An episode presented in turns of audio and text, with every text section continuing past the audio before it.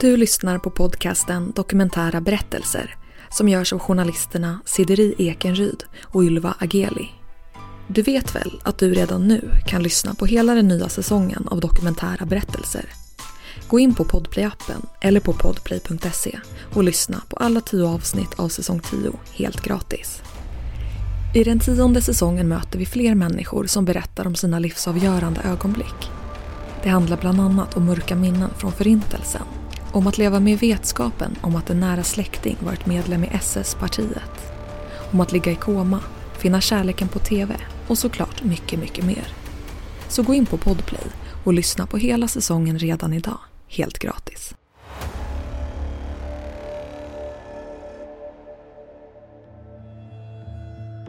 Det är svårt att bedöma hur många barn som idag är involverade i krigsförande styrkor runt om i världen. De senaste tio åren handlar det om omkring 98 000 barn enligt uppskattningar från Unicef. Men mörkertalet är stort. Och vi bodde i internat redan efter födseln så vi, vi hade ingen kontakt riktigt med våra föräldrar. Följande två avsnitt ska handla om barnsoldater. Vi möter Amir, vars föräldrars engagemang i den iranska oppositionsrörelsen Folkets Mujahedin på 80-talet fick honom att själv ansluta som soldat i tonåren. Så jag, jag bestämmer mig. Eh, Mujahedin började skicka liksom eh, grupper av tonåringar till Irak och jag ser ju hur alla de här vännerna och kompisarna som jag har fått börjar åka ner. Så jag, jag säger till min pappa att ja, men jag vill också åka ner. I avsnittet pratar vi med Lokesha Haber, teknisk rådgivare på Rädda Barnen i Sverige om hur situationen för barnsoldater ser ut världen över. There are many um, reasons why a child end up being recruited by armed forces and groups. Och så hör vi Rusbe Parsi, historiker, lektor och programchef för Mellanöstern och Nordafrika-programmet vid Utrikespolitiska institutet om just folkets Mujahedin. Och den här rörelsen den eh, kommer ur den reaktion som följde på demonstrationer eh, som ägde rum i juni 1963 och som slogs ner väldigt våldsamt. Amir föds i Paris den 24 september 1983. Dit har hans föräldrar flytt från Iran. De är aktiva i Folkets Mujahedin, den motståndsrörelse som gjorde revolt mot regimen i Iran i slutet av 70-talet och som länge kom att vara terrorstämplade av USA och EU. Och där föddes jag. Eh, min, min, eh, mina första år eh, spenderade jag i Paris och redan från början när jag föddes så skildes jag åt från mina föräldrar för att i Mujahedin, man måste förstå att när man är medlem i denna organisation så finns det ingen privatliv. Man kanske liksom kan blanda ihop det med att ja, men de är medlemmar men de har ett liv vid sidan om. Ehm, I Mujahedin är det inte så utan du bor i Mujahedins egna byggnader. Du är där 24 timmar om dagen och eh, eh, sju dagar i veckan så eh, har du ju liksom bara Mujahedin med Mujahedin. Det finns inga privatliv. Så jag, och alla barnen fick ju också växa upp i dessa liksom, ja, områden och dessa hus som Mujahedin ägde. Och då var det så att en eller två Mujahedin-medlemmar fick liksom, eh, jobba som personal för, för oss. Eh, och vi bodde i internat redan efter födseln så vi, vi hade ingen kontakt riktigt med våra föräldrar eh, redan eh, sen vi var bebisar. De bilder jag har från mig själv i Paris det är när jag sitter som bebis på en liten, eh, eh liten filt och det är ledarens eh, eh, bild över mig som hänger på väggen. Och det är Mujahedin-medlemmar, flera kvinnor i slöja som sitter bredvid mig. Eh, och då, då är vi i Mujahedins huvudkvarter där. Eh, så ehm, vi har aldrig haft den här, den här relationen med våra föräldrar utan barnen har ju vuxit upp tillsammans eh, med varandra, tillsammans med Mujahedins ja, personal. Vilka är då den grupp som Amir föds in i? Vi hör historiker Rusbe Parsi. Eh, Iran har ju upplevt två revolutioner under 1900-talet. Den första ägde rum 1905-1906 och det var så Iran fick sin första författning. Och den andra ägde rum 1978-79. Och en av de eh, rörelser, både ideologiskt men också beväpnat, eh, som deltog i revolutionen 78-79 är då Folkets Mujahedin. Och den här rörelsen den eh, kommer ur den reaktion som följde på demonstrationer eh, som ägde rum i juni 1963 och som slogs ner väldigt våldsamt.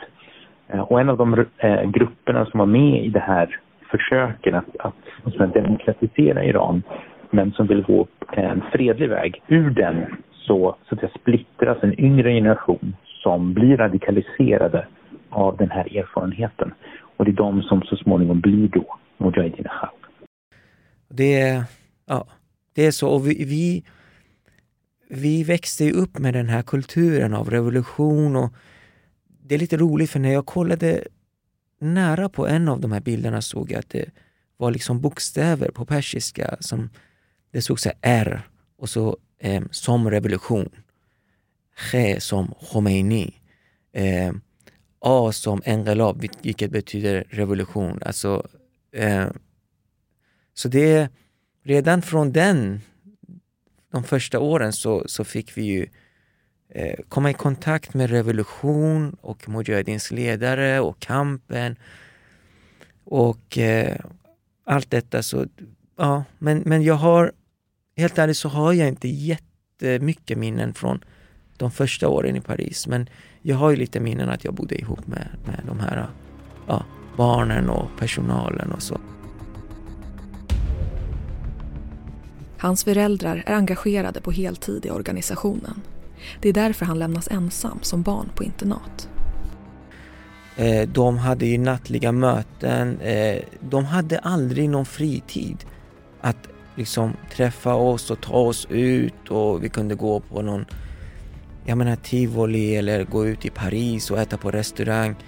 Utan allting var ju i kampens väg och därför blev det omöjligt för, för dem att ta hand om oss. Och, eh, ja, så vi, det, det, var en resultat av deras engagemang i organisationen tycker jag. Eh, av det kunskap som jag har i Mujahedin, det var inte direkt att de inte ville att vi skulle vara med dem. Eh, inte då i alla fall. Sen kom det ju andra perioder där Mujahedin, alltså att det blev eh, eh, de kallade det för värderingar, att det var mot deras värderingar att man skulle vara tillsammans med sin familj. Men då var det inte så. Om det hade varit så, så hade de sagt att de, de inte ens skulle ha skaffat barn från allra början. Men då var det, när jag föddes så var det ju okej okay att ha familj. Det var okej okay att vara gift och det var okej okay att skaffa barn. Det som gör Folkets Mujahedin lite svårdefinierad, det är ju att dels att de har ändrat inriktning ett par gånger under historiens gång. Eh, och dels därför att de, det utifrån inte helt lätt att klura ut exakt vad det är de står i olika frågor. Eh, vad man brukar säga generellt sett det är att den börjar då utifrån en, en, den här så moderörelsen som försökte att dels vara religiös men också att vara liberal. Det vill säga inte den typen av islamism som vi förstår det idag. Utan det var mer en tanke att man utifrån religionen skulle kunna hitta ett sätt att eh, dels protestera mot shahen då, kungamakten, eh, och också hitta ett annat sätt att styra landet. Men då var det fortfarande inte tanken att de rättslärda, det vill säga motsvarigheterna till präster, skulle styra. Och detta är så att säga grogrunden då för Mujahedin, folket Mujahedin, som är en av flera rörelser som kommer att ta till vapen. Ett par år efter att Amir föds flyttar hela familjen till Irak, till en militärbas där gruppen håller sig samlad. De bor i hus tillsammans med andra medlemmar och Amir bor fortfarande mest på internat i veckorna.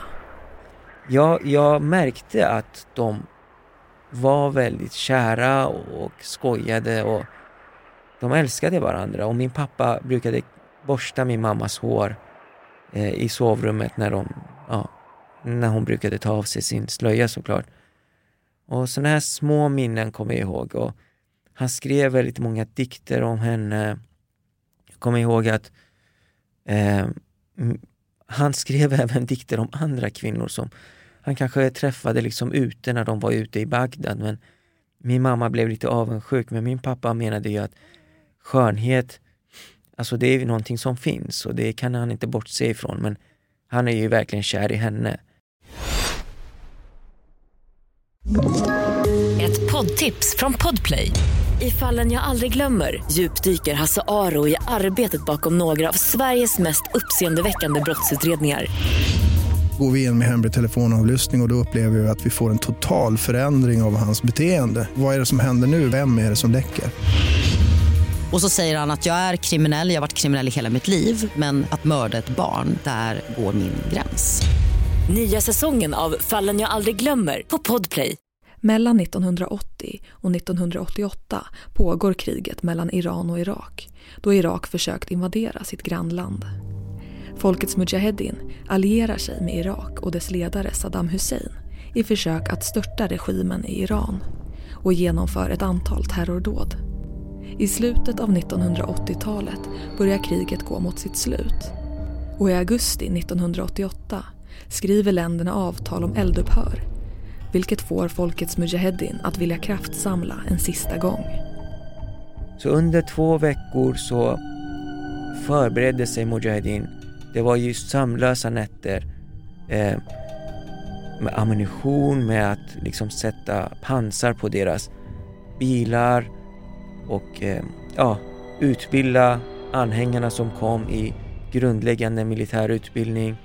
De hade till och med fått pansarvagnar eh, som de hade liksom tagit från Iran i deras operationer och även fått en del av från Irak.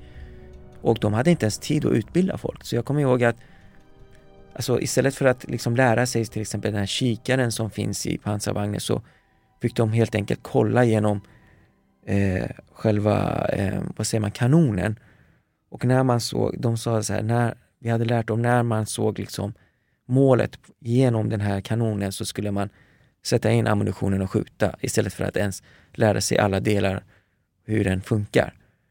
Um, så efter de här två veckorna så började eh, alla styrkor röra sig mot Iran. Och det var ju verkligen en militär katastrof för att rent eh, vad säger man, eh, taktiskt så var de inte förberedda. De åkte i en rak, lång led in i Iran. Det, fördelen som de hade var att Iran hade ingen aning om det. Så de hade kunnat hemlighetshålla det och det blev ju en ehm, det blev ju en slags eh, överraskning, överraskningsmoment som är i militär eh, taktik så är det ju väldigt bra att kunna överraska fienden.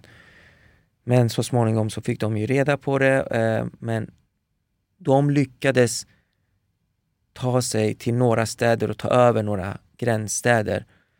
Eh, de tog över eh, en gränsstat som heter Mehran eh, och de liksom förflyttade sig fortfarande i det här raklånga ledet mot en annan storstad som heter Kermanshah. Men där, någonstans där så eh, omgrupperade sig eh, regimen i Iran och eh, de, de som fick dem att komma in i någon slags, eh, ja, vad ska man säga, en slags eh, fälla som var, det var som att vägen gick mellan två bergstoppar. Och regimen satte sina styrkor på de här bergstopparna och började attackera hela vägen och de också bombarderade eh, liksom början av ledet och stoppade alla, alla, eh, alla fordon. Och sen började de bara massavrätta alla Mujahedin-medlemmar som fanns där och eftersom de hade mycket bättre läge från bergen. Eh, min, min mamma var med Eh, hon skadades eh, mm, genom granatsplitter och sånt men hon klarade sig. Jag tror att om jag inte har fel så var det runt 1500 sammanlagt 1500 Mujahedin-medlemmar som eh, dödades i denna operation. Situationen i Irak gör att medlemmarna börjar skicka sina barn västerut. Amir hamnar så småningom i Sverige, sex år gammal första tiden, jag menar, vi, jag visste inte liksom, alltså jag, det var ju väldigt bra för att den tiden var ju Irak under bombardering och det var ingen bra situation. Vi levde ju under jord, i bunkrar. Vi hade, ingen, vi hade gått från ett relativt lyxliv, för att vi hade det väldigt bra ekonomiskt i Irak, till att ha det väldigt svårt i Irak. Och det var ju, vi var ju rädda som barn, vi visste inte vad som hände. Men när vi kom till Sverige så, så jag kände så direkt att, ja men vilken härlig land och eh, jag, jag, jag placerades direkt i en, i en fosterfamilj. Många Mujahedin-barn fick ju ingen familj direkt i början men den här familjen som jag hamnade hos, det var faktiskt en bekant till min biologiska familj som eh, vi delade hus med redan när jag var i Paris. De var inte Mujahedin-medlemmar men de var anhängare. Eh, de var som kallas heltidsanhängare. Eh, så jag hamnade ju hos dem och jag kände ju redan deras barn. De hade ju två söner som var lite äldre än mig. Och vi hade en lägenhet i Husby och eh, ganska liten så jag fick dela rum med de andra sönerna. Och ja, men allting var ju nytt för mig så det kändes ju väldigt bra och jag började i en skola här i Dalhagsskolan hette det i Husby. Eh, Sen var ju den här tankarna gick ju liksom, vad hände med mina föräldrar? Och vi visste inte hur, lång, hur lång tid det skulle ta för dem, eh, eller hur lång tid det skulle ta för oss att ses igen. De hade ju sagt att, ja men åk du och vi kommer befria Iran så kommer vi mötas snart. Och vi, I våra barnsliga sinnen så, så trodde vi på det här. Men det blev ju en stor vakuum och det var ju redan från början så kände jag det här den här saknaden. För det var väl också liksom lite hemligt för att du var ju här i Sverige och fick typ uppehållstillstånd eller vad man ska säga på grund ja. av att du inte hade en förälder. Ja. Och då ville inte de avslöja det. Nej, alltså, alltså med oss Mujahedin-barn, så här är det ju att när vi kom till Sverige, det var i första i, sin, i sitt eh, slag att Sverige har tagit emot så många ensamkommande som grupp. Innan dess var det ju finska krigsbarnen och det var ju ganska länge sedan. Så Sverige hade ingen erfarenhet och vi fick ju alla uppehållstillstånd direkt, alltså inom en vecka typ. För de var beredda, de visste att vi skulle komma hit. Vi hade till och med inga identi identitetshandlingar men de, de visste att vi kommer, vi är barn till en politisk motståndsrörelse som krigar i Iran. Så vi kom hit och de accepterade det och utan några som helst identitetsbevis. Så det är därför jag har en annan eh, efternamn. Fosterfamiljen visste inte ens min födelsedatum så de angav bara någonting. Det enda som stämmer är min födelseår. Amir växer upp i fosterfamiljen med kopplingar till rörelsen. Han vänjer sig vid sitt nya land och börjar skolan. Hans pappa bor numera i Paris där han är fortsatt engagerad i Folkets Mujahedin. Saknaden efter sina föräldrar gör att Amir mår sämre och sämre och vid 13 års ålder är han nära bristningsgränsen. Och då insåg ju den här fosterpappan då att eh, det är ohållbart. Det, vi kan inte ha kvar honom här längre. Så han pratade med min pappa och till slut så de hade ju en mat, eh, alltså livsmedelsbutik i Solna där som jag brukade vara där och hjälpa till ibland. Och så. så en kväll när vi stängde butiken så satt vi i bilen och då började han gråta, min fosterpappa. och satt framför.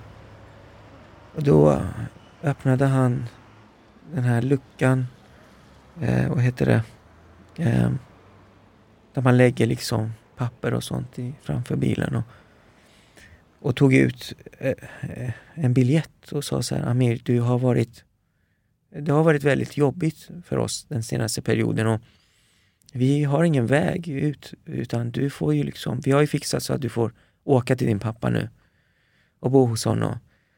Och jag blev så glad, alltså för mig var det alltså att gå från mm, mörker till dag och jag kunde liksom inte ens tro att det var sant. Och de hade inte sagt till mig att de, de var inne i, i den här processen för att få mig att åka iväg.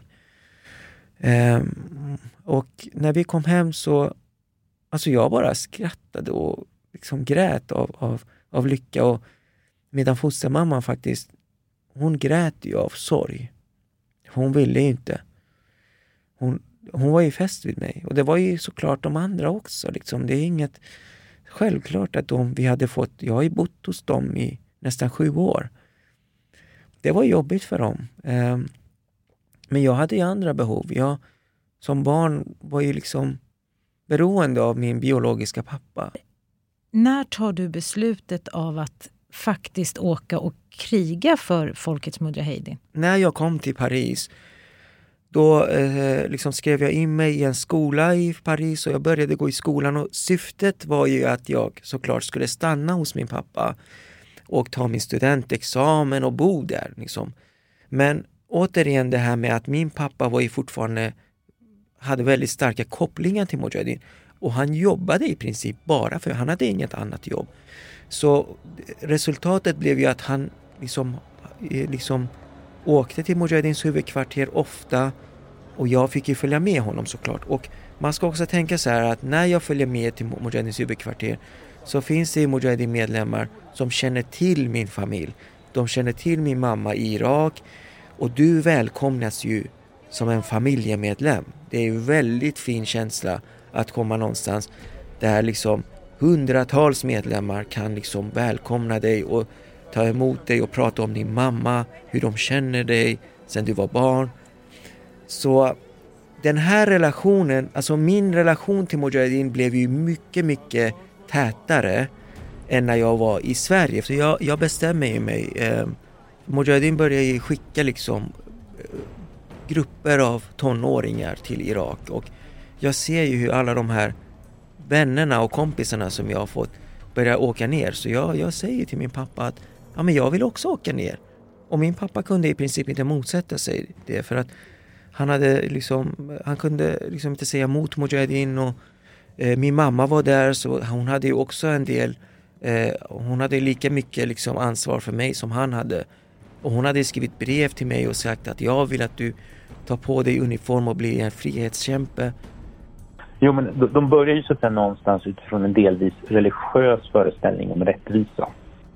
Rusbe Parsi igen, om vad Folkets Mujahedins ideologi handlar om. Och sen så småningom när de blir radikaliserade så kommer de att inkorporera mer och mer marxistiskt tankegods. Och det var de inte ensamma om utan det hade just att göra med att de två ideologiska rörelser i olika tappningar, i meningen olika organisatoriska tappningar som kämpade med och delvis konkurrerade med varandra om hur man skulle uttrycka opposition mot shahen. Den var antingen religiös eller så var den vänsterorienterad. Och det skedde så att en hel del eh, korspollinering där. Det fanns rättslärda ayatollor som tog intryck av marxismen, delvis genom att de argumenterade med marxister när de satt i fängelse eh, och vice versa. Och då kan man säga att Mujahedin Hal blev då en rörelse som eh, tog in båda de här elementen. Men eftersom den var en väldigt strikt organisation, den var så att säga väldigt egen, så kommer den också få sitt eget, vad ska man säga, sin egen profil som också gör det svårt utifrån att riktigt förstå vad det är de faktiskt vill. Och det har ju då delvis att göra med hur revolutionen sen förlöper.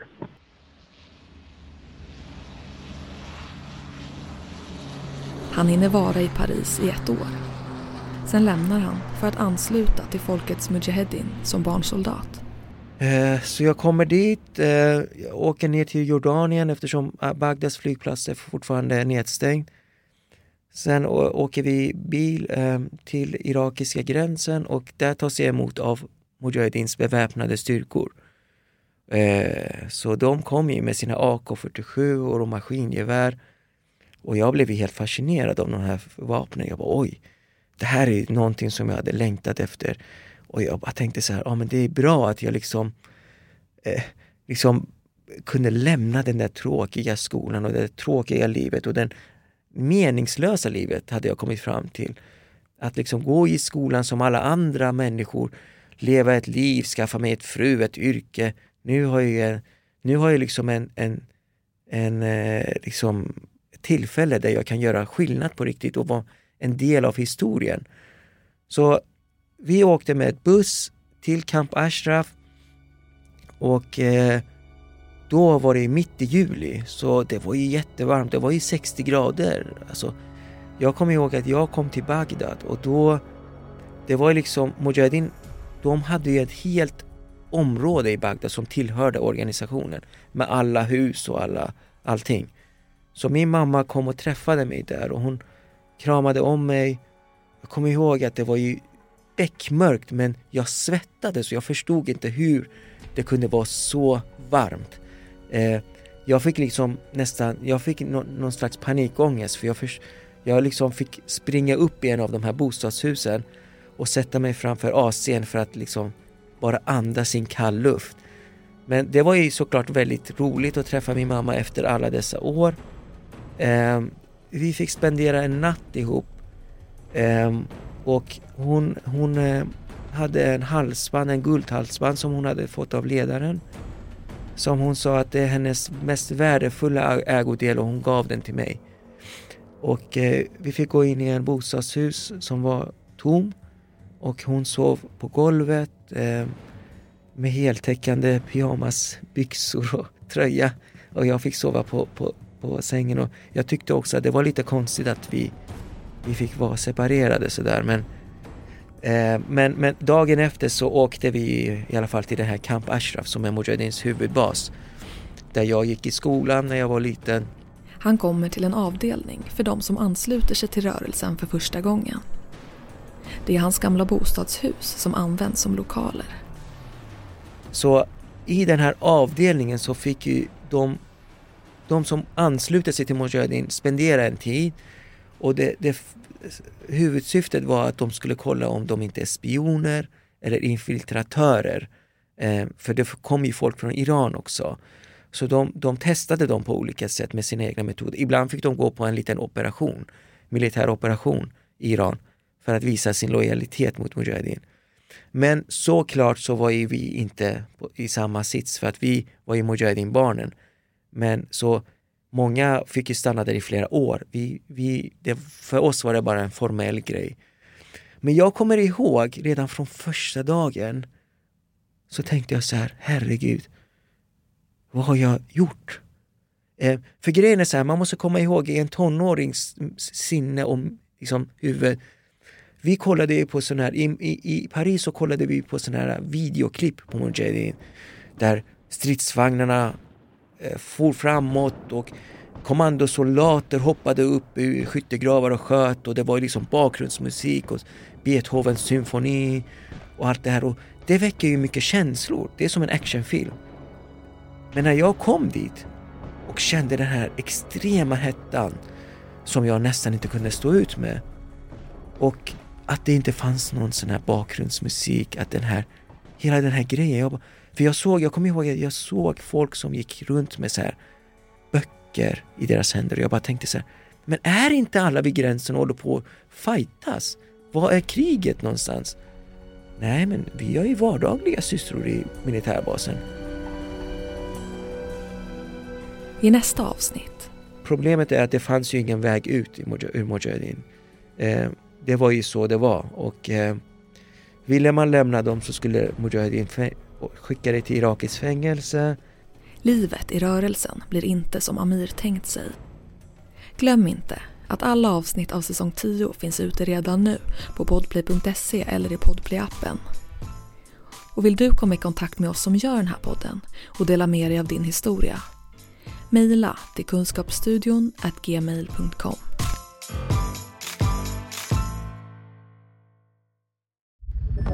Podplay, en del av Power Media. Poddtips från Podplay. I podden Något Kaiko garanterar östgötarna Brutti och jag, Davva, dig en stor dos skratt. Där följer jag pladask för köttätandet igen. Man är lite som en jävla vampyr. Man har fått lite blodsmak och då måste man ha mer. Udda spaningar, fängslande anekdoter och en och annan arg rant. Jag måste ha mitt kaffe på morgonen för annars är jag ingen trevlig människa. Då är du ingen trevlig människa, punkt. Något Kaiko, hör du på Podplay. Därför är gardinerna.